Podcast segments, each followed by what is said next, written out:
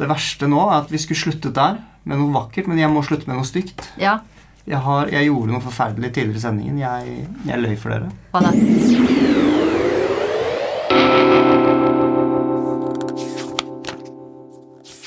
Ok, er dere klare? Ja. Kjære bokvenner, medmennesker, medborgere og lyttere. Det er tid igjen for en utgave av Bladpodden. Velkommen til Thea Sundstedt Baugstø, kritiker. Hilde Susann Jektnes, skjønnlitterær, skjønnlitterær forfatter og manusforfatter for film og TV. Og som vanlig Eirin Andresen Betten, lektor, litteraturviter, journalist, essayist. Thea, hva gikk galt hos deg? Du var jo bare kritiker. Jeg spurte om du skulle si jeg var litteraturviter, og da sa du nei. Men jeg, jeg trengte to karakterer her. Sette opp mot hverandre. Beklager. Du er jo også litteraturviter. Ja, jeg er det. Eh, Men dere, vi er samlet for å snakke om eh, poesi og den siste utgaven av blad. Eh, Så vi skal starte med å bli litt kjent. Hva leser du nå? Og da spinner vi blyanten, gjør vi ikke det? Jo. Ah, Det ble Thea. jeg, oh, ja, ja. Jeg tenkte jeg fikk på fanget. Jeg tenkte den landet på deg, så det Nei, nei. Men det er der hvor den uh, blyantspissen blyet peker mot. Okay. Uh, Ja, jeg ble akkurat ferdig med Samantha Schweblinds novellesamling 'Mouthful of Birds'. Uh, som jeg ikke tror er oversatt til norsk uh, enda. Eh, fra 2009 opprinnelig. 2019 engelsk oversettelse. Veldig creepy og gøy novellesamling. Anbefales. Hun hadde en sånn bok om noe febergreier. Feber. Feberdrøm. Ja, den leste jeg. Også ganske creepy og ikke så gøy. Eh, mm. men jeg syns den var bra. Ja. Og fryktelig fæl. Ja. Ja, Soyaproduksjon i Argentina. Ja. Mm. Ha, et ti minutters stillhet for den. Men det er, ikke, det er en kvalitet der. Man blir litt sånn Ja, altså begynner å tenke på den kvaliteten, gjør man ikke det? Jo, den romanen er blant de liksom skumleste bøkene jeg har lest på Mm. lenge. Ja. Jeg tror, ikke, jeg tror vi må la det stå der. Kan vi høre hva dere andre leser? Ja, jeg leste faktisk eh, Før jeg visste at jeg skulle være med på dette, så drev jeg på med 'Natthimmel med kulehull' av Ocean Vyong, som vi skal snakke om senere i sendingen. Perfekt. Med gjendiktet av Mathias Samuelsen. Ja, ja, ja. Så jeg trenger ikke si noe mer om den, annet enn at jeg syns den er veldig sterk. Eh, Så leser jeg jo også Ida Lødemel Tvedts 'Marianergropen', en eh, essaysamling. Og den eh, har jeg kommet nesten halvveis gjennom, og så langt er jeg veldig imponert. Jeg har ikke lest henne før. Men jeg syns at hun virkelig Hun skriver mye om USA. Hun har vært ganske mye i USA. Det har jeg også. Hun skriver mye om nordmenns eh, fordommer og nokså sånn hånlige angrep av USA og amerikanere på, som ofte er fullstendig ufundert i fakta. Um, Og så skriver hun en del om 22. juli og incels. Hun er på date med en incel-mann. Eh, Ekte date eller Nei, intervju-date? det- Nei, det er ikke ekte date. det er sånn Hun utnytter ham for å få info. Ja. Det er en hestehandel. Ah. Jeg, jeg anmeldte jo den for blad før sommeren. Ah, stemmer. Ja. Og da eh, syns jeg det var noe jeg var fryktelig bra bok. Men eh, akkurat den daten der var jo litt sånn, litt sånn ekkel å lese om. Jeg Fordi- hun, liksom, hun bruker ham jo veldig For å. Nei, altså, det skal jeg ikke driste meg til å påstå, men det var en litt sånn eh, Men- Hvordan kan man Ja. ja, Men en incel er jo Går de på date? De vil vel um... Det er jo det de vil. Men, men samtidig, vil de, men samtidig det er definerer de seg som de som ikke får date. Det heter jo involuntarily. Jo, så- men jeg har inntrykk at de er så innbitt i det at om de hadde fått et tilbud, så hadde de funnet på tusen grunner til at Nei, det hadde de Jo. Nei, nei, nei. Han ble veldig glad, tror jeg, han, han i boka hennes, for å kunne sitte med en sånn Ja, hvor, hvor, traff, det, hvor traff de hverandre? Nei, han, Det husker jeg ikke om det var på en eh, Nett, sikkert. Nei, Nei, det det var, en det var på, bar. eh, ja, nei, det var en sånn Er det- eh, coffeeshop ja. i Brooklyn, tror jeg. Og han passa veldig dårlig inn der. Jeg tror hun la merke til ham fordi han var så lite hipsteraktig er jeg som med, alle andre. da er jeg med at han kanskje trodde det var en date. ja. Nei, nei, men så avtalte de at uh, han, de skulle møtes til kaffe. Han uh, hinta om at han gjerne ville at det skulle være en date, og hun sa ok, du får kalle det hva du vil, jeg skal ta opptak av det. Er med, så, er ja, så det var jo okay. ganske Ja. åpent, egentlig. At Da er jeg han, med. Jeg godtar det. Mm. Ja, men Stilig.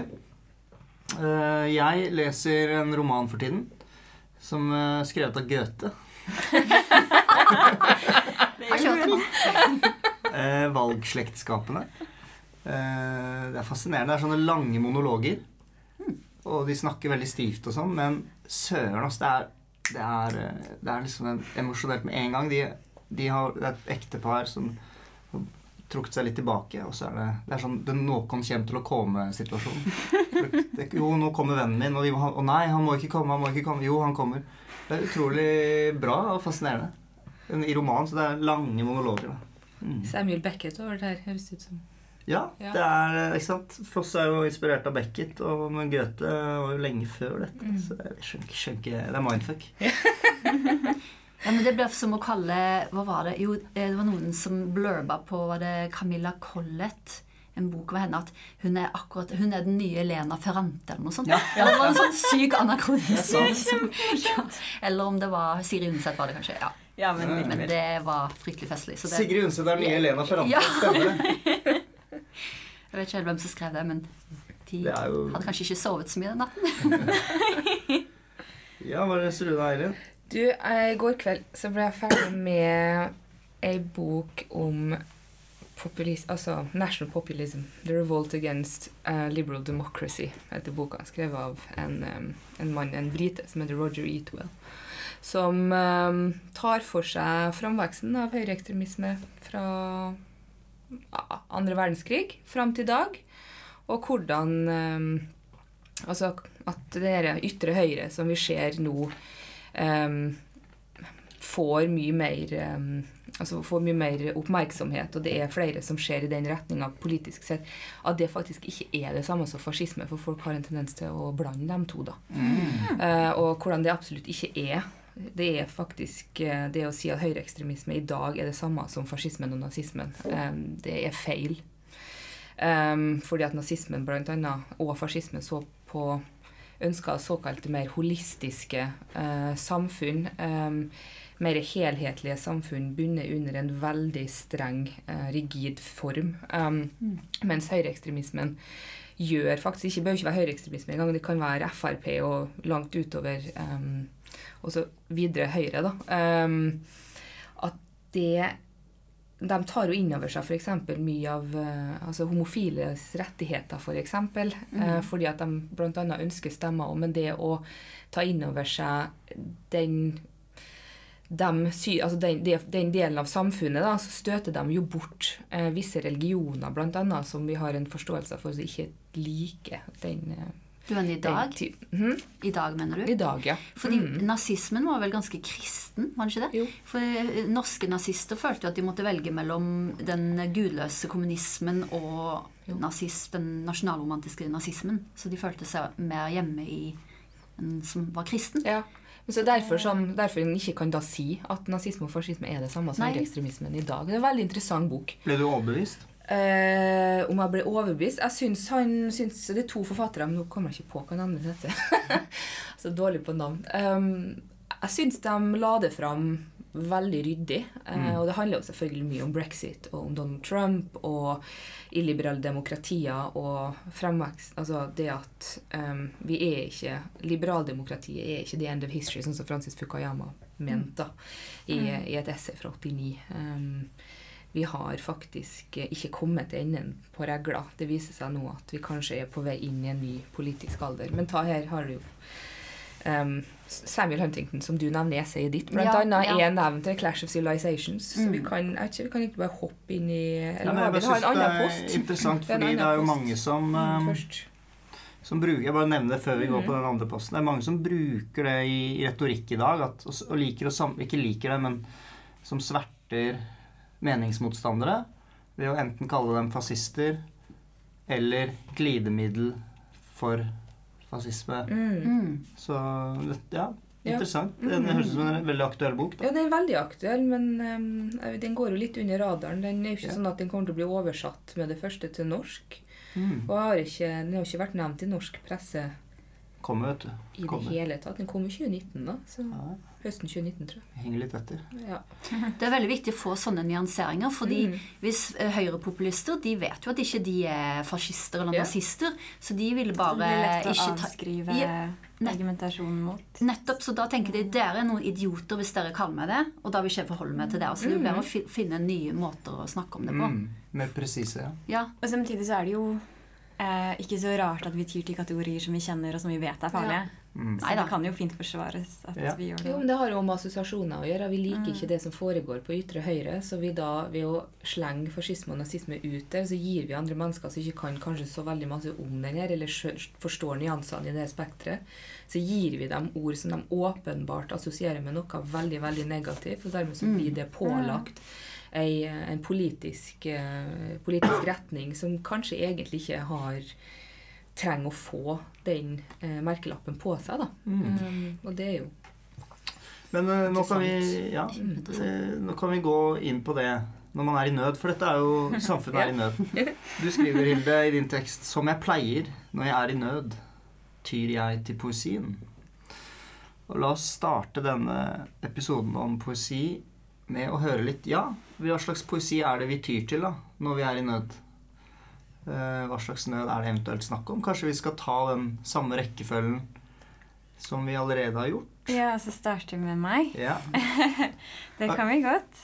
Um, jeg syns jo det var litt interessant Eller jeg synes det var fint skrevet.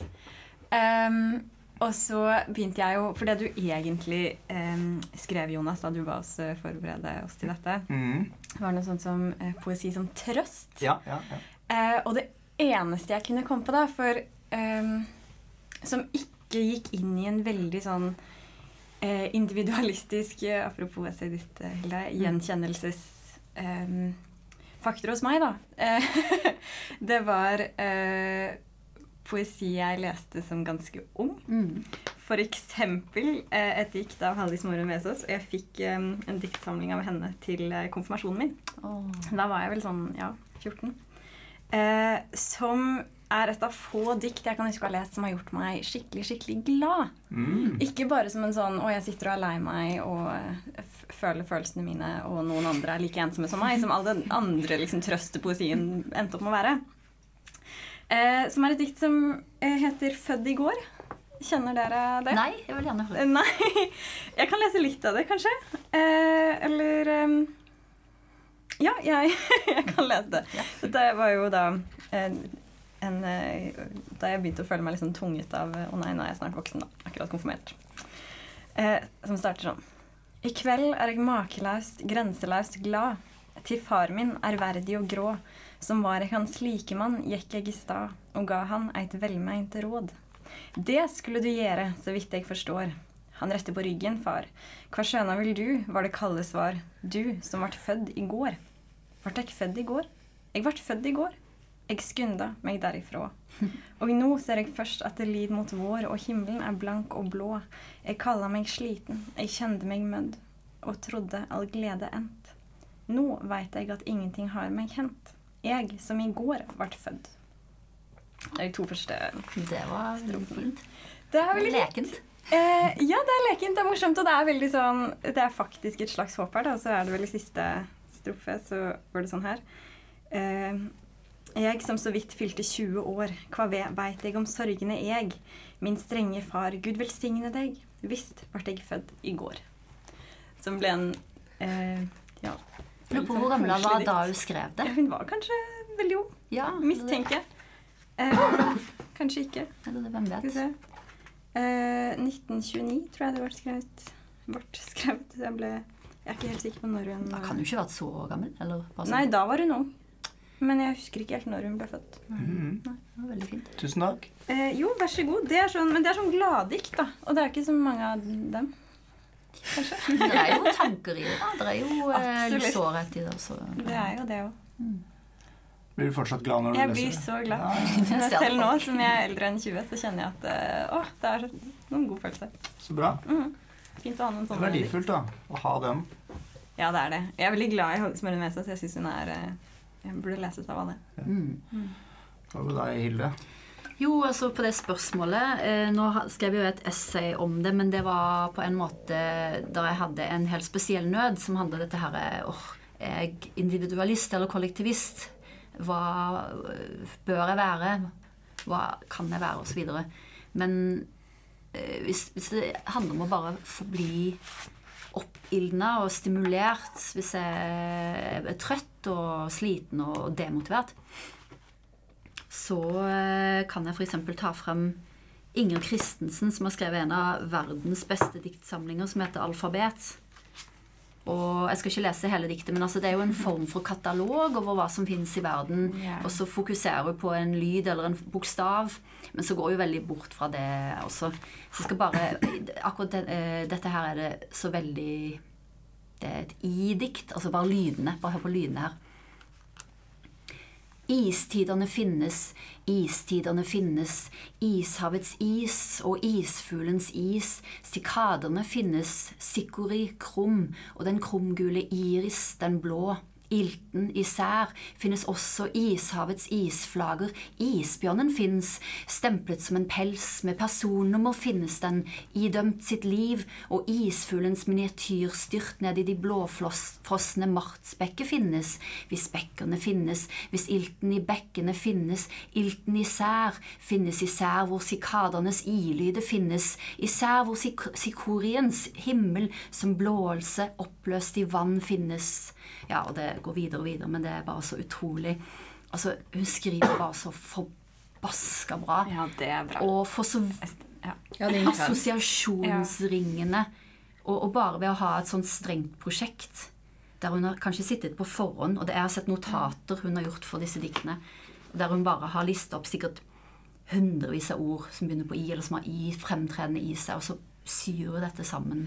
Det er jo slike dikt du føler at dikt blir til musikk. egentlig. ja. Altså, det er som å skrive, det er som å skrive musikk. Um, Ja.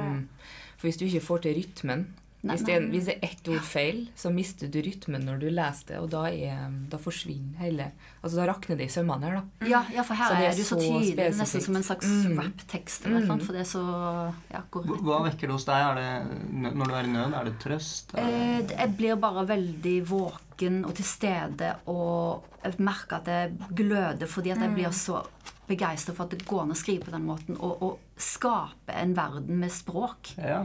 Og skape alle disse bildene. Og dette er jo også sånn klimadikt, egentlig.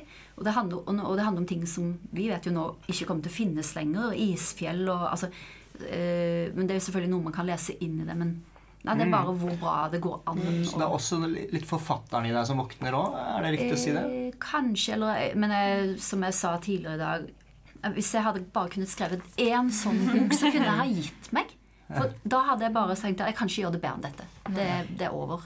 Jeg husker første gang jeg leste den, så ble jeg så satt ut, for jeg hadde jo bare tenkt å lese noen dikt. Men Ja. så ble, blir man dratt inn i en sånn ekstremt fysisk leseropplevelse. Ja. Altså Det er jo som å ja, kanskje høre en symfoni, bare, for, bare mer liksom At du blir fullstendig slukt av det. da Og ikke klarer å slutte. Jeg satt der og jeg, fikk, jeg begynte å skjelve Ja, mot slutten. ja, Virkelig. Ja, og da får jeg jo ikke både, både, tr eh, både trøst og stimulering og Men det blir jo altså. helt Ja. Mm. Så da, da blir man gjenopprettet som menneske, føler jeg. Wow. Du da, Jonas? Går du um, til poesien for trøst? Jeg gjør det Ja. når livet går meg imot. Noen ikke sjelden unnlater å gjøre. Så hender det jeg tar opp eh, dikt. Og da er det særlig ett dikt som jeg leser. Ja. Av Stefan Stéphane Mm. Jeg leser på norsk her, da. For Far som født i onde tider hadde forberedt for sønn en sublim oppgave. En dobbel kopi som må fylles ut. Barnets, hans egen, smerten, lysten, ved å ofre seg for den som ikke lenger er, vil triumfere over, livskraft, mannen han ikke ble, og vil han ta barnets oppgave. Ja. Vil han ta barnets oppgave, ja. Hvorfor trøster det deg? Det, er, eh, det, det fyller meg med, med håp og handlekraft. Og lyst til å myrde faen meg. Metaforisk sett. da. Metaforisk sett. Ja, men for Du kjenner deg igjen i diktet, ikke sant? Eller det, det er noe der som kanskje eh, du kunne nesten ha tenkt det selv, eller Ja. Ja. ja men det er viktig. viktig. Hva med deg da, Eirin? Um, jeg kan ikke si at uh, jeg går til diktet for uh, trøst. Det tror jeg aldri har gjort. Jeg forbinder ikke det Jeg forbinder ikke poesi med det, faktisk. Jeg kan bli veldig trist av å lese dikt. eh, men det er ikke følelsen som trekker meg mot dem. Det er på en måte andre veien. Jeg leser noe, og så har jeg ikke Altså det er første gang jeg møter det, eller det, det er et eller annet det er bare, Eller jeg leser det på nytt med nye, med nye øyne. Og, Mm. um, gjerne ofte en eksistensielt, da, hvis det vekker, eh, vekker noe i meg. Men jeg, jeg vet ikke, jeg liker um, kanskje dikt som har litt mer um, historier i seg. Ja, Episke dikt. Ikke sånn, ja, faktisk. Altså, jeg har jo eh, Dere har jo Kanskje ikke du, men har, Hilde Sofia har eh, Hilde Susanne, unnskyld, har Du kan si eh, Hilde. går Hilde, Hilde, ja. går bra. Har, du har kanskje ikke studert litteraturvitenskap? eller? Nei, jeg har studert film og TV, manusskriving, så veldig sånn Ja. spesifikt. Men, Ja. men mye om treaktstruktur, da. Ja, Så det er jo for at det, dere har nemlig vært oppe på allmennlitteratur på UiO. Har dere ikke Ja, det? vi Begge har to, innom ikke Ja. sant? Og da, da er det hele det å lese seg gjennom mye av den norske kanonen, den skandinaviske og nordiske kanonen, det har jo ikke jeg gjort, for at jeg har studert engelsk. Så da satt vi og leste episke dikt, som annet måtte lese hele Paradise Lost, for eksempel, for å diskutere den. Vi fikk i oppgave å lese alle sonettene av Shakespeare, for at vi måtte i timen og, og lese den. Men um, vi leste jo òg blant annet Tennessee Williams. Og jeg tok med meg ett som jeg liker veldig godt. Det er ja, det er nå noen vers, da, men jeg tror ikke det skal ta så veldig lang tid å lese det. Og igjen da, så blir jeg engelsk, for at jeg, det er ikke på andre sida. Det er bare den ene sida. så det er jeg blir hele nerve. det diktet. Hele det diktet. Jeg kan, lese, jeg, kan, jeg kan lese et annet som er Nei. veldig, veldig veldig kort, som Kan- jeg liker Nei, veldig blir godt. fint. Kan du ikke lese det beste, det beste Ja, det er, ordet hvis, i diktet, bare? hvis, eh, Ja. den, det siste, du, du får, den siste verselinja her henger sammen. Altså, du skjønner ikke det siste hvis du ikke leser det første. Ok, ok. Det tar kanskje ett og et halvt minutt. Greit, da får okay? vi smøre oss inn okay. med poesilyst. Ok.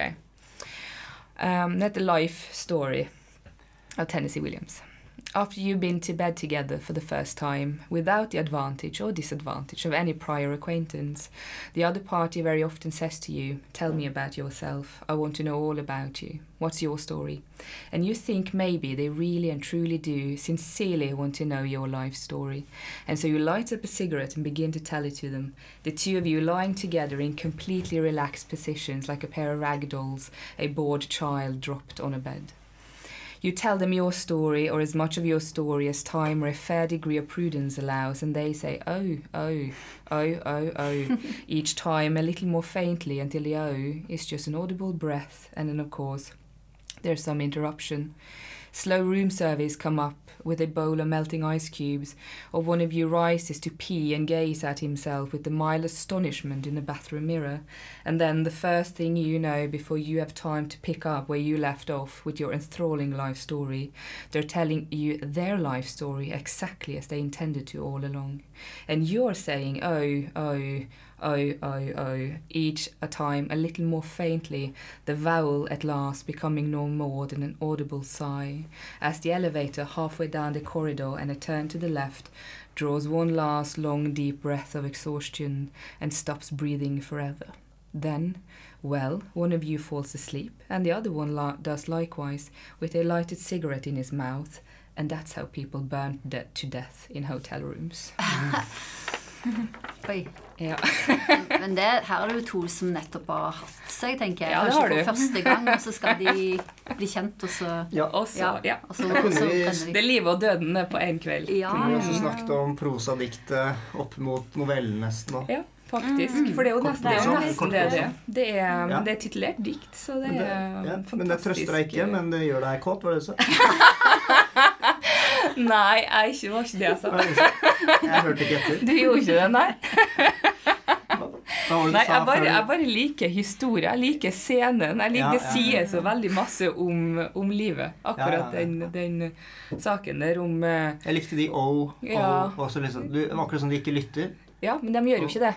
For de, har jo ikke, de er jo ikke interessert i hverandre.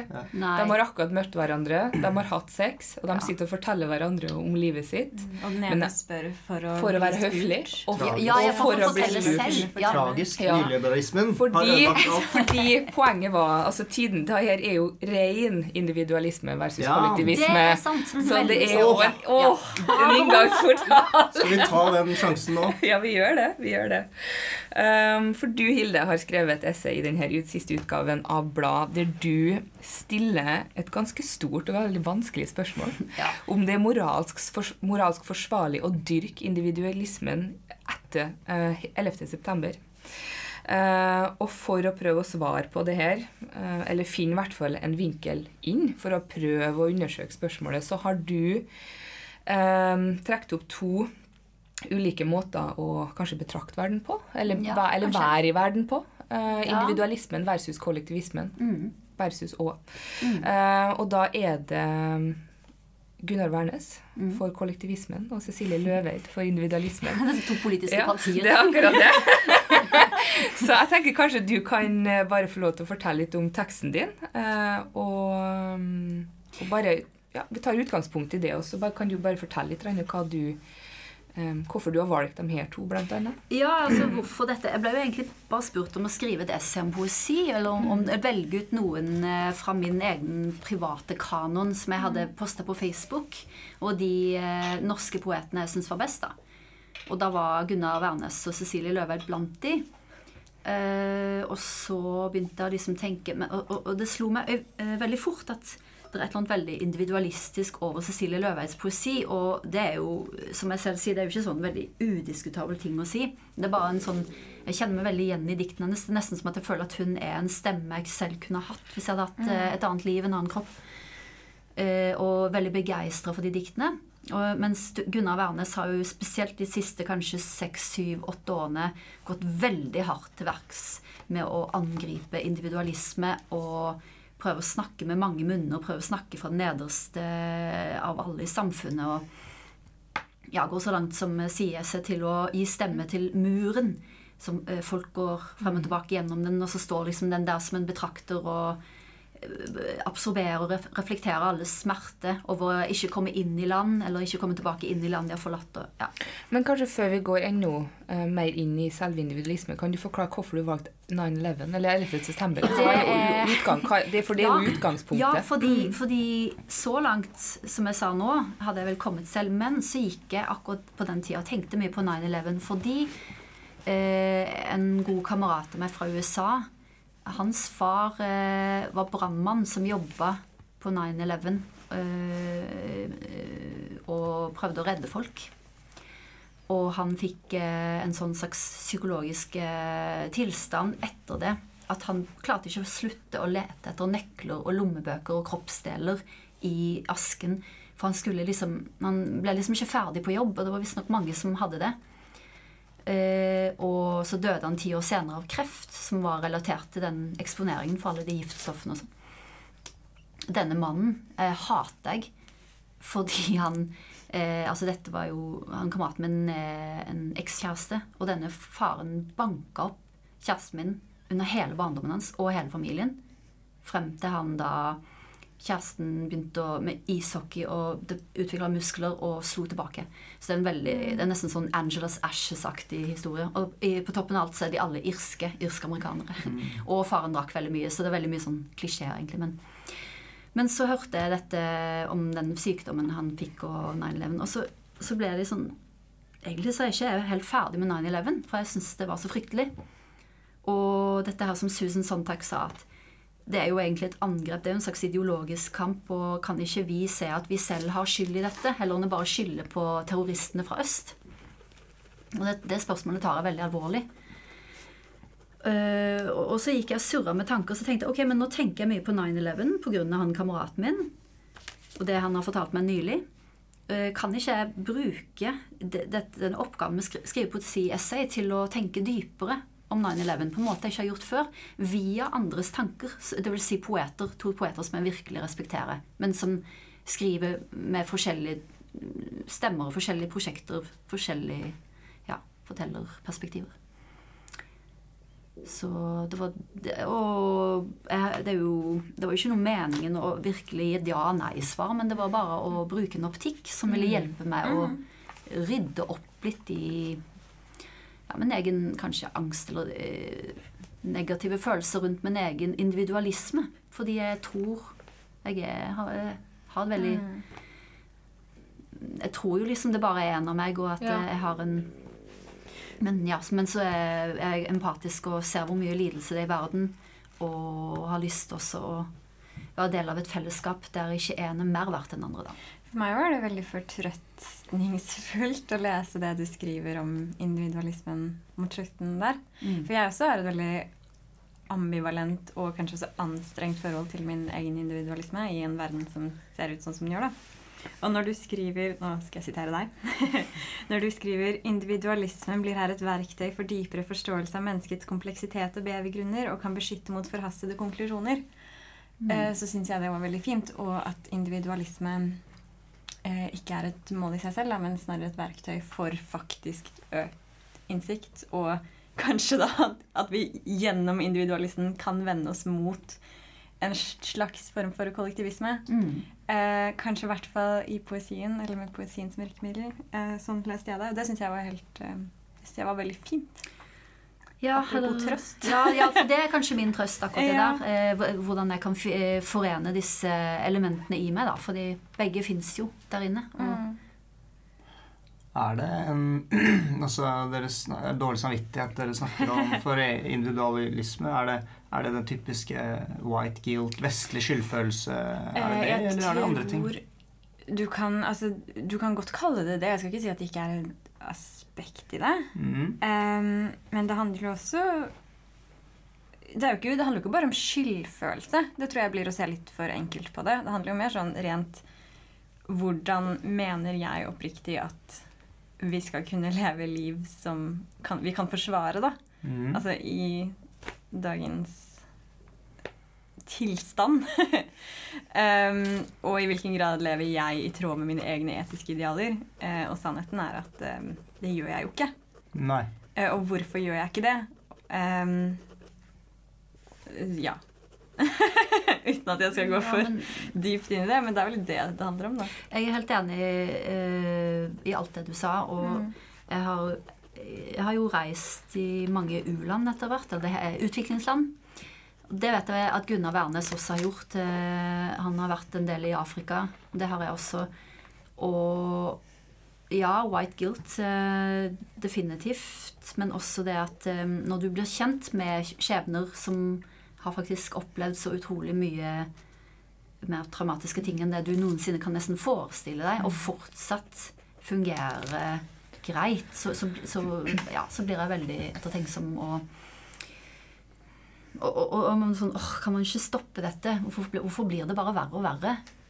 Eh, hva kan vi gjøre? Ja, så, Jeg, altså, jeg fikk eh, Når jeg leste teksten din, så Du nevnte jo blant annet Uh, the 99 Altså den 99 versus den, eh, den, den ene prosenten, og at det har vært Blant annet med Occupy Wall Street så var det jo et opprør um, for denne enorme mengden mennesker som ikke får eh, har anledning da, til å bevege seg i hvert fall inn i en sånn stabil økonomisk situasjon eh, pga. at det økonomiske markedet ser ut sånn som det gjør. mm.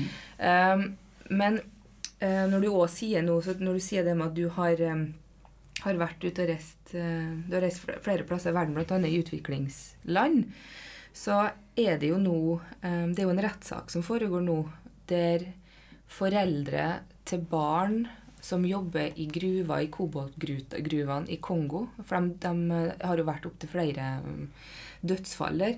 Og det er jo det, det stoff, De henter jo ut det stoffet som blir putta i batterier, bl.a. i elbiler. Mm. Og det er jo vår altså det er jo, så er Elbilene er jo våre sånn Vi som er får lov til å liksom stikke fingrene nedi den kapitalistiske honningkrukka. Mm. Vi kjøper jo også elbiler, og dyre elbiler, fordi det her er noe som skal være delaktig og redde klimaet og klimaendringene da, som vi har, som det er den vestlige verden som da står for. Men konsekvensene er det jo noen helt andre mennesker. Det er jo andre mennesker som tar dem, bl.a.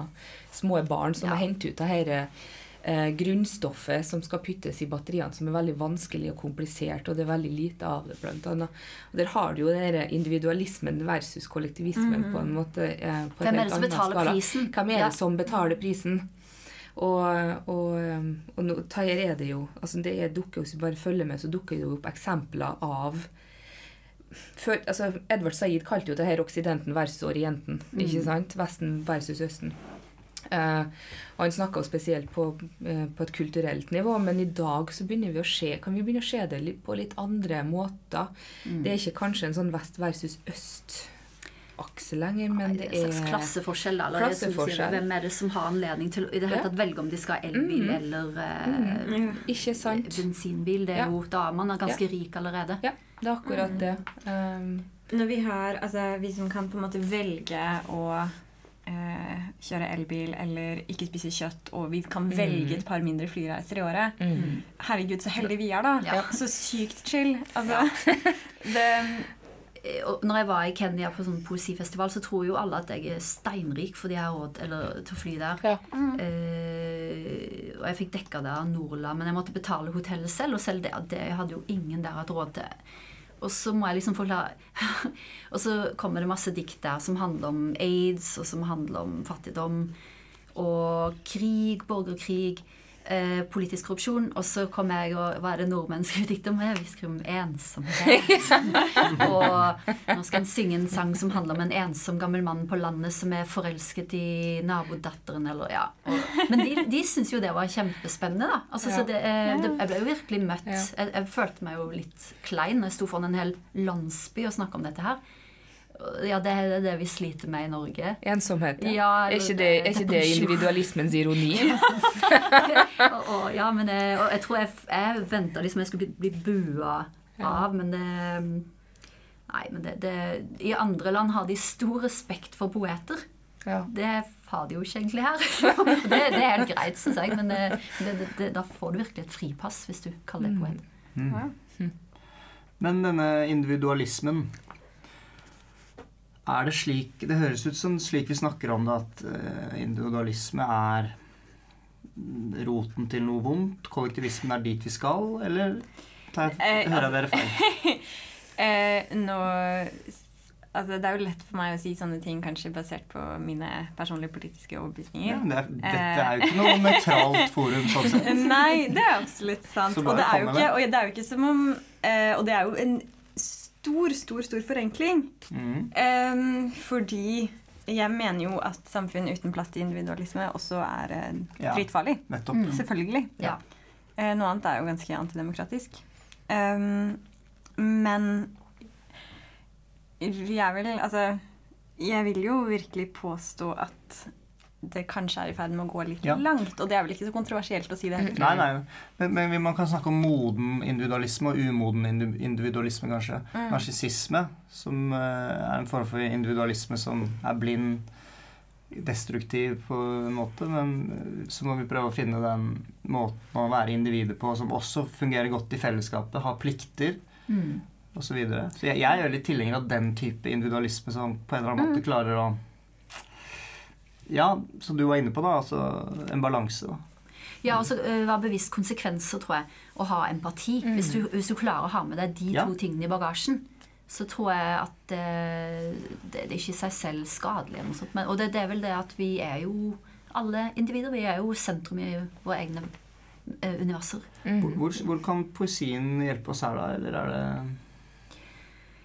Ja, eller som jeg egentlig har Ja. kom frem til essayet, så sier jeg vel noe sånt som at eh, når jeg dør og folk skal sette sammen alle de tingene jeg har lest som jeg ikke har skrevet selv Først da vil jeg få mitt rette navn, skriver jeg det. Vel.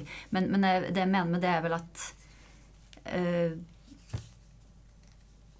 Hvis jeg klarer å ta inn over meg andre mennesker og, og formulere et verdensbilde ut ifra det, og ikke bare mine egne oppfatninger og mine egne behov, det tror jeg poesien er veldig bra på, fordi at du blir liksom tvunget til å gå veldig inn i et annet perspektiv. Mm. Og bli med det perspektivet på en slags re- reise eller en utforsking. Er det, ikke, ja, er det ikke det man sier En av de effektene av lesing som skal tenke veldig instrumentelt, er evne til empati, Jo. som man Mm. kan måle. Ja. Ja.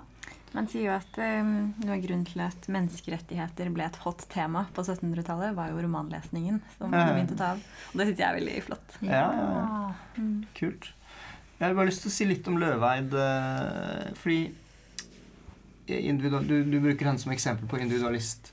Ja, men selvfølgelig så rommer jo hun andre ting òg. Ja, ja, ja. si, fordi mitt møte med Løveid jeg, Når jeg leser Cecilie Løveid, så får jeg, jeg får inntrykk av at det er et veldig ofte et veldig kaotisk selv Mm. som står der i en verden full av inntrykk. Mm. Og nesten noen ganger på grensen til um, galskap. Nesten, jeg vet ikke om, øh, om det er det jeg har lest.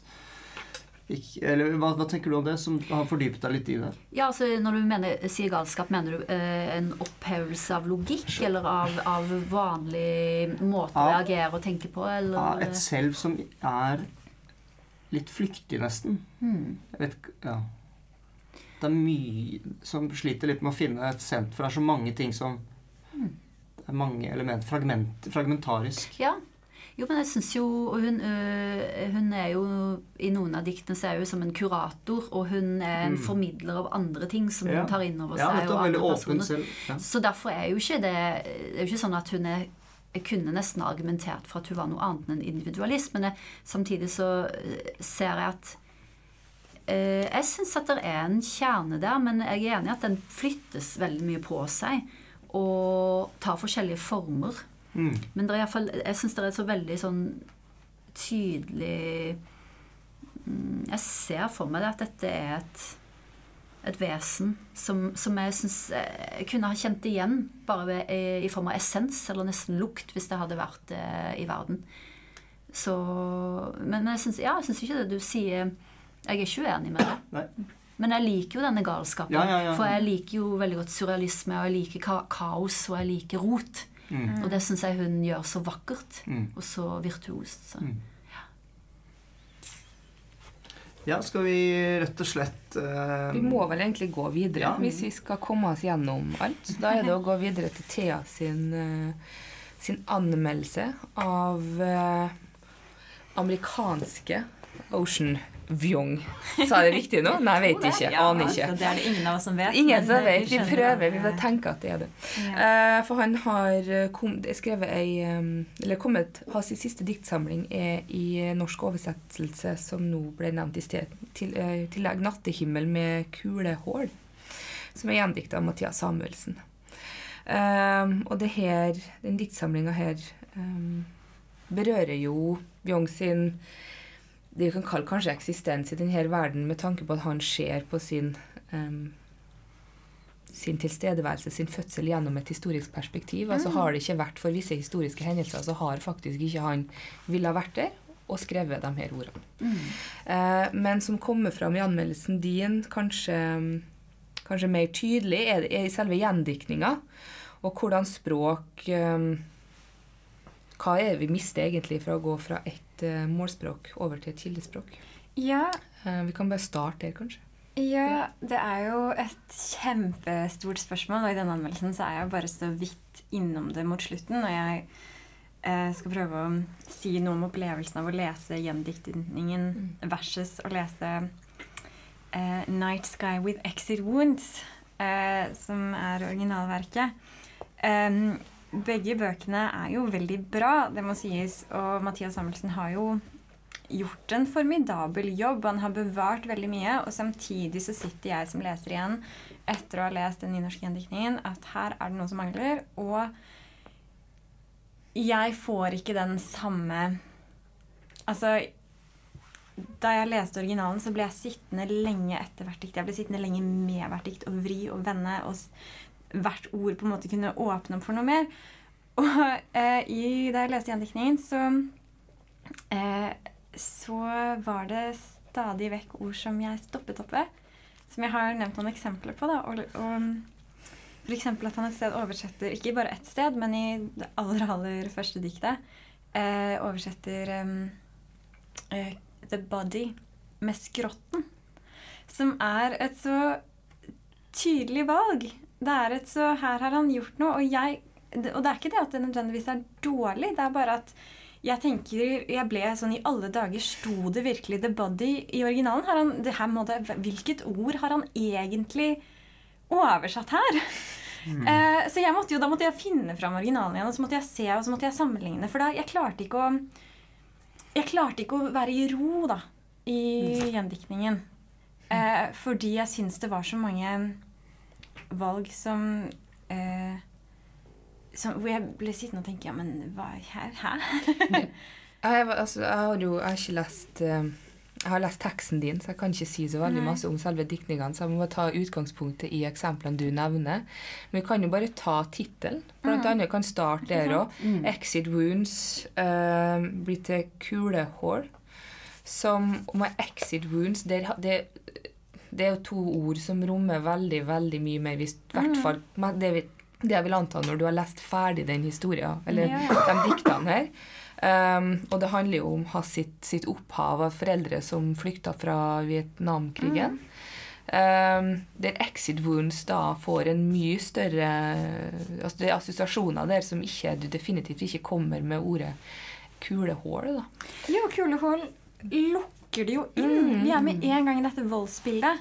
Um, og så er jo egentlig Exit Wounds er så utrolig åpent, og også Ja. viser til en Ja. Ja, hele det historiske perspektivet, som du nevner. Um, traumene ved det, sårene ved det, men også en form for befrielse. Ja. Uh, at det er noe godt i det også. Men hva ville du ha valgt, da? Fordi altså, jeg, jeg, jeg, har, jeg har også uh, gjendikta en kjempevanskelig dikt fra amerikansk til norsk. Og av og til så får du ikke med deg de eh, du, og, det, og det er jo, Man sitter jo og gråter fordi du mister alle de der tingene du sa der. Og jeg er helt enig at Exit Wound er vel, For det første er det vel der kulen har gått ut. Ut. Så det er ikke den har gått inn. For det er vel Ja, det ser vel litt annerledes ut. Men så er det jo Ja. Det, det, nei, det blir jo veldig mye annet. Men, eh, men hvis, jeg kan jo tenke meg at han har For hvis du hadde sagt eh, eh, utgangssår eller utgangssmerte, Mm. da får du ikke Det er jo et spesifikt eh, rettsmedisinsk begrep. Så da mister du det. Så han har jo bare måttet velge noe her. Og det tenkte jeg også mye på. Og det var jo også derfor det ble viktig for meg å understreke at det er en god gjendiktning. Ja, ja, ja. Eh, og, og så er det jo Kan de i det hele tatt oversettes? Ja, nei, det er det som er Og jeg foretrekker jo alltid å lese dikt på Eller alt egentlig på originalspråk hvis jeg kan. Men når, det, når denne nå kommer på norsk, så betyr det jo også Det er jo ikke bare det at den er på norsk, men det, den blir aktuell. Vi snakker om den. Vi får folk til å lese den. Så det er jo en form Det er jo en markedsføring i at den i det hele tatt kommer på norsk, da. Det er det som er faren Ja, men ved å eh, kritisere Eller ved å på en måte ja, kritisere gjendiktninger på den måten. Eh, at det kan, for det er jo på ingen måte ment til å si at å, den burde ikke vært lest på norsk. Selv om det jo mer eller mindre er det jeg sier når jeg sier at originalen er bedre. Uh, for jeg syns jo det er utrolig viktig at den oversettes. Men igjen så er det jo litt den som vi kanskje skal være litt inn på CD, som Frode Helmik Pedersen skriver i et essay, at man vet at poesien er i krisetider når det ikke er lov til å skrive negative ting om den. Ja, ja, Og, ja. det, og i hvert fall om oversatt poesi. Da, at det er litt sånn Det er så viktig at det finnes. Ja, ja. Men så er det jo også viktig at vi faktisk snakker om Det virker som, hvis jeg forstår det rett, at du er mer sånn frustrert over språket her. At, eh, ikke, ikke språket i diktsamling, men den det generelle prinsippet. Det ville ikke latt seg gjøre å oversette den. Er det det som plager deg, eller mener du at det kunne vært gjort bedre? Jeg, jeg er jo kanskje tilbøyelig til å mene at noen av de valgene ikke bare tilbøyelig, Jeg mener at noen av de valgene han har gjort, er rare. Tittelen okay. er et dårlig eksempel, for det er vanskelig. Skrotten syns jeg er et eksempel på at her, kroppen er et, er et åpent ord. Det er et viktig ord. Det er et altså, øh, Forankrer det i noe universelt. Mm. Som er helt helt sentralt i hvordan det kommer fram i det diktet. Så det er noen valg han har gjort der som, som jeg er uenig i. Ja. Skrotten får veldig jeg vet ikke, assosiasjoner til noe som Et lik. Et lik, Ja. ja. Ja, for- til, til noe, ja, til noe som mugner. ja. Noe Altså, noe muggent, noe som holder på å, å brytes ned. Eller så er det en slags slang. Altså, ja, denne gamle skrotten Skrotten. her, den får du ikke ut av, Ja, liksom. men det er ja. akkurat gamle skrotten. Ja. Det, det er jo det, Du har, vil alltid si Du vil alltid forbinde skrotten med noe gammelt. Mm. Aldri noe det, er det er forbi sin Mm, det er eh, sin tid, på en Ja, måte. past its prime. Mm, ja. Ja. Nei, men var det, i forbi, var det et lik det var referert til? nei. nei, nei, for jeg husker ikke helt. Det er jo ikke ja, det. Ehm, eller altså, det kan, sånn kan man jo tolke det. Ja. Det kan jo ligge der, det òg. For det er jo noe Mm. liksom spø Det refererer vel både til faren og til uh, sønnens egen kropp.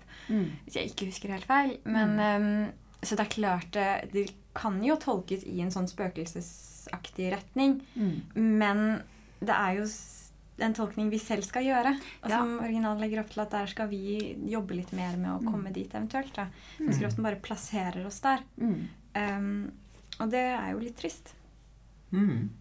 Det er jo den evige debatten i islam er jo det at Koranen er jo en bok, evig bok som alltid har eksistert, så den kan jo egentlig heller ikke oversettes. Fordi da får du ikke med de hellige, det hellige Mm. språket. Og det er viktigere i islam enn f.eks. i um, kristendommen. For der er ikke, ordene er ikke et Guds ord direkte. Det er inspirert av Gud, skrevet av mennesker. Så der er man mer åpen for å oversette. Men det er akkurat som i poesien så er det og Koranen er jo også poesi, da. Mm. At ja, du får ikke den inspirerte Den, liksom. Exit wounds. Det er noe med det, da. Versus kulehull. Det er jo også en kjensgjerning at vi mist... Eller eh, Vi vil jo aldri kunne lese en gjendiktning som om det er Nei, originalverket. sånn er det bare. Eh, og det kan jo kanskje inspirere oss til å lære flere språk. Ja, eller lese men, når Som engelsk, for eksempel. Som engelsk! men hvis jeg f.eks. leser en svensk bok Nå har jeg lest ganske mye svensk. eh, Men det er alltid et filter av svenskhet over det. Som, som er, napper litt eh, og distraherer bitte litt. Og jeg kan bli litt mer opptatt av vendinger enn jeg bur- Ja. ville ha gjort hvis det var norsk. Ja. Så, så det er også ulemper med å lese originalspråk. Ja, hvis, hvis man. Engelsk for meg er jo veldig lett å lese, Ja. men, men svensk og dansk eh, Dansk er lettere. Nei, svensk særlig. Der eh, vil jeg gjerne lese på svensk, men eh, jeg må være klar over at det, skjer en Ja. forvrengning. Eller De sånn. har jo en annen rytme i språket, svenskene. Så du må lese det med en annen Du må gå inn i sånn annen musikalitet når du skal lese det. Og da, for når du leser dikt Jeg vet ikke med dere, men når jeg leser dikt, så greier ikke jeg å lese det i stillhet inni meg. Jeg må alltid lese dikt eh, Jeg må alltid jeg vet ikke, lager lydene. Altså jeg må lage det i munnen. Ja. Så jeg, for å få det For at det er Ja, det er for at hvis jeg, hvis jeg leser det Det tror jeg mange så forfattere ville vært glad for å høre, faktisk. Ja, ja, ja, absolutt. jeg, jeg mister at Det er så mye musikk i dikt, Mm. eh, i poesi. Og hvis jeg skal drive og på en måte stenge den inn, så får jeg Jeg greier ikke å få med meg Du mister liksom rim og rytmen og alt hvis det Så du må på en måte litt sånn ut for pressespyttet. Fryktelig fint. Ja, det var Du det er bare- et fint, eh, fint Ja. bilde at du sitter og leser dikt høyt. Jeg må det. Jeg må det. Jeg må lese høyt. Hvis ikke så får jeg ikke til å lese. Det- Men jeg er helt enig at veldig mange forfattere For da plutselig De blir jo til på en annen måte i rommet i din stemme.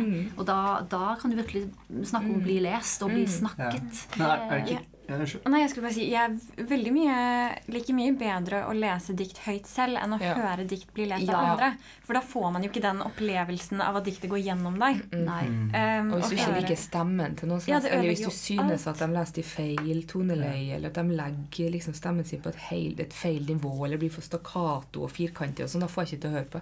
Men Da er må det, jeg jeg synes det er kult å tenke på at for la oss si 500 år siden så var- var det veldig uvanlig å lese inn, inni seg. Eller lenger tilbake. Altså det var, Man leste alltid høyt, selv når du var Sant? alene. Ja, Å ja, Og så ble det litt skittent da det, man begynte å lese inni seg. For det var sånn Er kvinner begynte å lese romaner og sånn. ja fordi Så da ble det litt sånn snuskete. man leste Fordi høyt. bak Altså, det var det man gjorde. Det visste jeg ikke. Det er De få som kunne kjempefascinerende. lese. Det var det òg. Ja. Men jeg tenkte på en annen Det tror jeg er veldig viktig, det dere var inne på, at det at den kom på norsk, er en seier. Eh, Eller aktualiserer den. Men det er også viktig at den kommer på nynorsk. Ja. Tror jeg, også. altså, det er viktig for nynorsk, eh, nynorsken også. Mm. Enig. Mm. Der er jo Samlaget en, eh, en virkelig Ja. viktig eh, Hva skal jeg si eh, aktør i norske litteratur. Fordi Ja, Samlaget gjør mye bra. Ja, og Også da dikt. De satser jo masse. Jeg skjønner ikke at de har råd til det, men de får jo masse, masse, masse og veldig mange gjendiktinger og satsinger og det. Må være, må være oljen, det, da.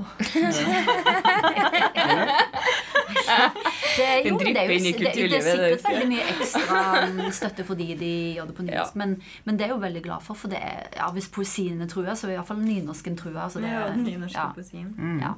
Jeg har lyst til å dele med dere hvordan jeg ønsker meg en gjendiktning. Ja. Så hører om dere er enige, uenige, eller hva dere tenker. Vi, må tenke oss, vi kunne tenkt oss denne. Jeg har lyst til å se for meg en, en bok som er på rim opprinnelig. Mm -hmm. La oss si for 200 år siden. Så her er det mye en annen kultur, et annet språk og en annen tid. Det jeg hadde sett for meg da, perfekt for meg, er det verste jeg vet, er folk som prøver å gjendikte mer på rim. Det er ikke det verste jeg vet, men jeg liker ikke det. Jeg ønsker meg ord for ord gjendiktning, eller nesten mer en oversettelse, Mhm. på den ene siden. På den andre siden vil jeg ha originalspråket. Og så vil jeg ha kommentarer under i fotnoter. Ord for ord, de viktige ordene. Hva er rimet her? Hva er den kulturelle koden? Jeg vil først møte det rare teksten som jeg ikke helt forstår fordi jeg ikke kan kulturelle kodene. Mm. Og så vil jeg få forklart de kulturelle kodene etterpå i en kommentar. Jeg vil ikke at gjendikteren skal prøve å oversette de kulturelle kodene Ja. til meg. Det, Mm. det er det jeg hadde elsket, da. Du vil egentlig ha forklart originalverket. ja, vent. Du vil kunne lese det som Først, om ja. først vil jeg møte teksten ord for ord. Ja. For det er så mye, Sånn som exit wounds, da, da skulle jeg gjerne hatt utgangshull eller noe sånt, bare for å møte det ordet. Mm. Det, da hadde jeg fått det poetiske sjokket i det. Og så kunne jeg fått en kommentar under som forklarer exit wounds på engelsk. Blah, blah, blah, betyr det. Sånn ønsker jeg meg en, en gjendiktning. Det er som du vil at oversetteren skal bare um, blottlegge hele arbeidet sånn halvveis i prosessen. Ja, ja, ja. Det hadde vært superfascinerende. Det blir som en Det var godt sagt. Ja. eh, halvveis i prosess Eller liksom Ja. spille med åpne kort. Ikke gjøre de valgene for meg. Mm. Som jo er den vanskelige jobben, da. Det er veldig, for det blir som en slags simultantolking. Fordi jeg, jeg var på sånn filmfestival i, i, Saitama i Japan, og da hadde jeg simultantolker hele tida. Og de ja. sa til meg hva som ble sagt, og det blir veldig sånn ordfor ord omtrent. Og det er veldig fascinerende, for det ble jo en, en sånn sær, eh, sære setninger. Og så kunne hun ofte forklare etterpå ja, da, da mener han det og det. Så det, det ville nesten vært en sånn type prosess. Ja. Da du fikk det på øret, men, men så fikk, kunne du fordype deg i fotnoter. For ok, dette skjønner jeg ikke. nå. å jo, men dette er en vits Mm. som går ut på dette og dette. Ah. Ja.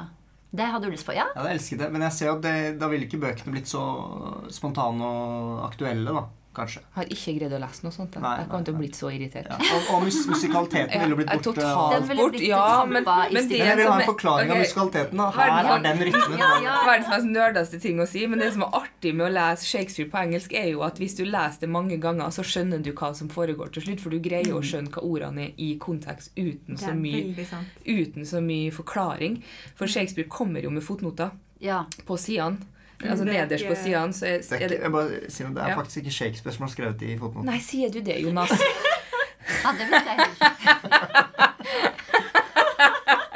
Men han, det er noen som har sittet der og tenkt Ja, ja, ja. Jonas har lyst på en forklaring, Ja, ja, ja. så nå forklarer vi det nederst på sida. Men du leser Ja. de uten å se på de, Jeg ser ikke fotnoter. til du til slutt skjønner det selv? Ja, jeg blir så Ah. irritert av fotnoter. Det er derfor jeg eksempel ikke har problemer med å lese uh, David Foster Wallace, for eksempel.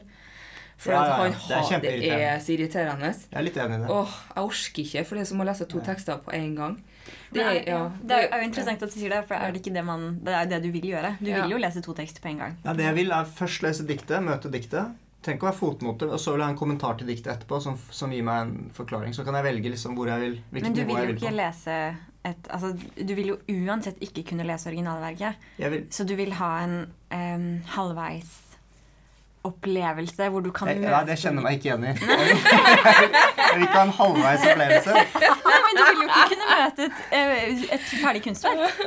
Nei, men jeg vil, møte, jeg vil, kunne, jeg, jeg, jeg vil møte den fremmed Hva, hva heter det russ, russeren? eh, Fremmed eh, virkemiddelet at det er litt fremmedgjort? Hva, hva? Alien altså Brecht? Nei. Nei. Nei.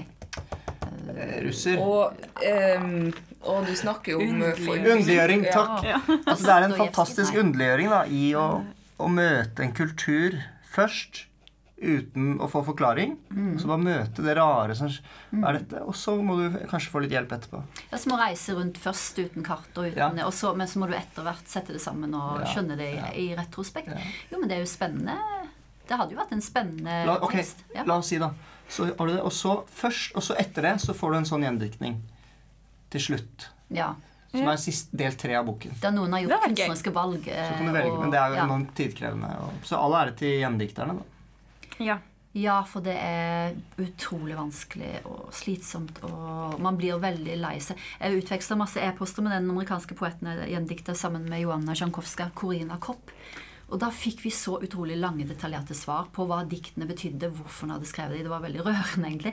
Og det hjalp oss, men allikevel var det umulig. Altså, det Mm. var liksom Uansett hvor mye arbeid vi gjorde, så var, Det er så kult om dere puttet en par av de e-mailene inn i boka. Jeg hadde nesten lyst til det, men da måtte vi jo ha spurt om lov. Ja, det det, var, det, det var nesten som en sånn at hun betrodde seg til oss. Oh, ja, ja, ja, Veldig ja. intime Ja, ting. ja, Og, da, og da tenkte jeg at dette må jo beskyttes. Ja, visst, ja, Ok, men eh, skal vi nærme oss uh, avslutningen? Um, eh, Frode Helmik Pedersen har en kommentar i siste blad.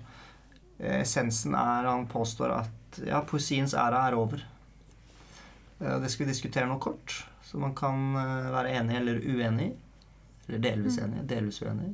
Men eh, ja, hvor brenner det mest? Jeg spørs hva man mener med poesi, da. Mm. Eh, selvfølgelig. Og han fremmer jo en altså Det er jo helt åpenbart at han tenker at poesien At det er den gode poesiens æra som er over. Eh, for han gjør et veldig tydelig skille mellom poesi og Instagram-poesi. For Mm. eksempel, som eh, jeg, jeg kan være med på det skillet. Det er ikke det. Jeg bare merker meg at han gjør det. Mm. Eh, og så vil det jo også være et spørsmål hva betyr det at en æra er over? Fordi det vil jo fortsatt skrives poesi. Spørsmålet er jo bare hvor høyt Ja. henger den, hvilken status har den, hvor mye oppmerksomhet får den. Ehm, akkurat som man kan si at altså, eh, rocken er død, men sånn rock finnes jo. Ja. Så det blir litt, på, det blir litt sånn retorisk grep. Han kobler det vel opp imot at um, kritikere vegrer seg for mm. å anmelde diktsamlinga som han tolker som det at kritikerne faktisk heller ikke leser poesi. Mm. Og hvis vi setter kritikerne som på rangstigen her, da, på dem som kan litteratur, de kan samtidslitteraturen, de følger med, de, dette her de jobber med, det er deres sin jobb, de burde egentlig ha vært bevandra i det her landskapet. Mm. Når de, òg synes at det her blir ulendt terreng, um, så sier det noe om Hei, nå har klokka blitt eh, halv åtte. Skolen stenger i dag klokka åtte. Så vennligst forlat bygget innen en halvtime. Takk. Den er fin å ha med etterpå, kanskje. så, Ok. Ja, nå hvor var jeg, var jeg hen? Ehm, Når Kritikerne leser ikke dikt lenger. Ja. Ja. Um, og det er jo Han, han er jo inn Han er jo, han er jo inn på noe der, da. At um, det er, vi er kanskje mer opptatt av, av novellene og av romanene. Og Mm. det som Altså En roman og en novelle vil kanskje på en mye mer tydelig måte muligens være en, altså gjenspeile samfunnet vi lever i. Kanskje poesien ikke er like god, flink nok til det. Så er det kanskje det at poesien er såpass vanskelig, vanskelig å vite om noe er bra eller dårlig, for det er så veldig individualistisk at en kanskje ikke har lyst til å begynne å, å si at jeg liker det. Men så sier han vel også, eller er han som sier noen andre, at men så viser det seg at poesien er ikke egentlig vanskelig. Poesien som gis ut nå. Det er kanskje ikke han som sier det i den kommentaren, men Det. Nei, det er jo interessant at Ja, eller så- tror- Bendik Wold var det som sa at det, det er veldig mye som ser ut som poesi, men som er veldig dårlig gjennomarbeida og Ja, og ikke nødvendigvis at Det prøver ikke å si at uh, poesien som gis ut, er dårlig, men mer det er interessant at poesien som gis ut i dag, egentlig er veldig tilgjengelig. Ja. Eh, og så tror så mange at den er utilgjengelig. Men jeg tror Joanna Zadkov, Radkov Jankowska. ah, Er det sånn man uttaler det? Ja. Jankowska. Jankowska. Hun eh, har en anmeldelse og nevner det at ja, men vi lever i en tid hvor vi har eh, folk som Ingvild Lote og Kjersti Bjørkmo som har noen, de har noen bestselger-poesibøker òg, ikke sant. Men, og du sier at ja, man tror den er utilgjengelig, men egentlig er den ikke det.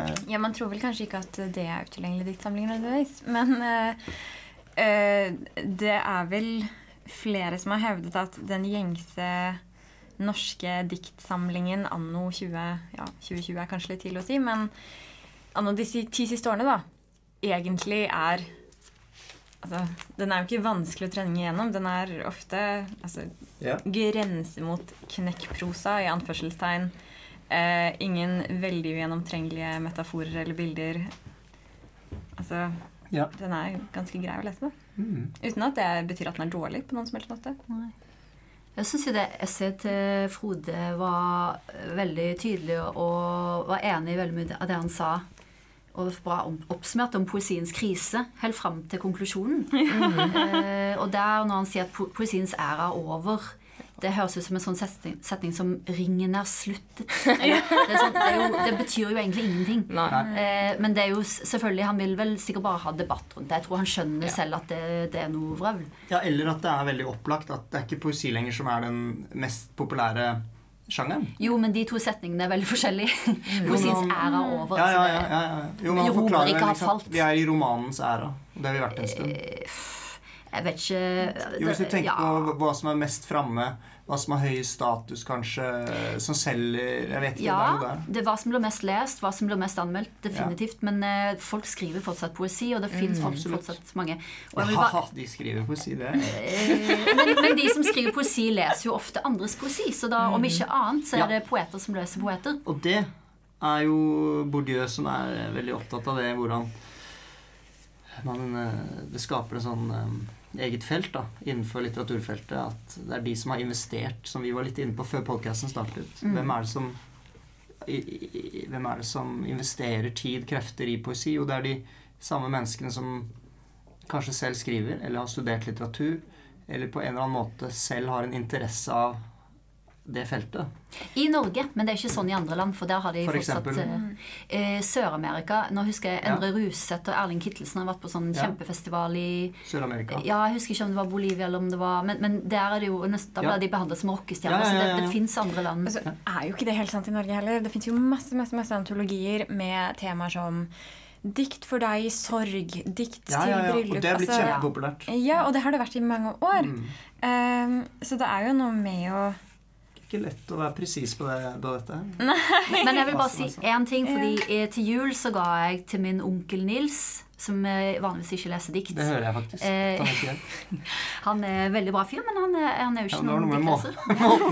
det. Ja, men han er veldig klok også. Ja. Men jeg ga til han eh, Gunstein Bakkes bok av tre. Ja. Og da kunne han melde helt sånn frivillig til meg på Facebook da det var snakk om meningen med livet, en annen tråd. Så sa han Vet du hva, jeg har akkurat funnet meningen med livet i denne boka her. Og det høres sånn ut. Livet prøver seg frem, næret av et ønske om å ligne, finne form. Mm. Og han mente at det oppsummerte hele meningen med livet. Og eh, hvis det gjorde det for han, og han fikk en stor opplevelse ut av å lese en diktbok, Yes. og han ellers ikke hadde gjort det, så, eh, så har iallfall poesien berget kanskje ett menneske i år. Ja. Eller i fjor, da, til jul. Og flere kan det bli. Det verste nå er at vi skulle sluttet der med noe vakkert, men jeg må slutte med noe stygt. Ja, Jeg, har, jeg gjorde noe forferdelig tidligere i sendingen. Jeg, jeg løy for dere. hva da? Alle dager. Jeg sa at det diktet Jeg skulle si et dikt som trøstet meg.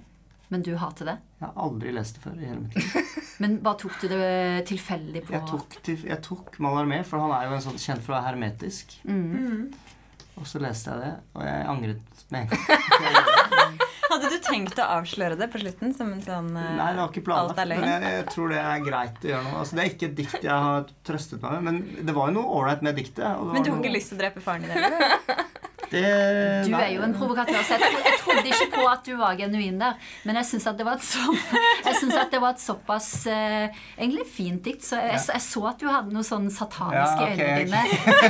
Ikke noe Men kan, vi ikke, kan ikke du lese Gunstein Bakke-linjen en gang til før vi Ok. gir oss? Så vi liksom Ja. får den fine til slutt. Ja. Det er da Livet prøver seg frem, næret av et ønske om å ligne, finne form. you.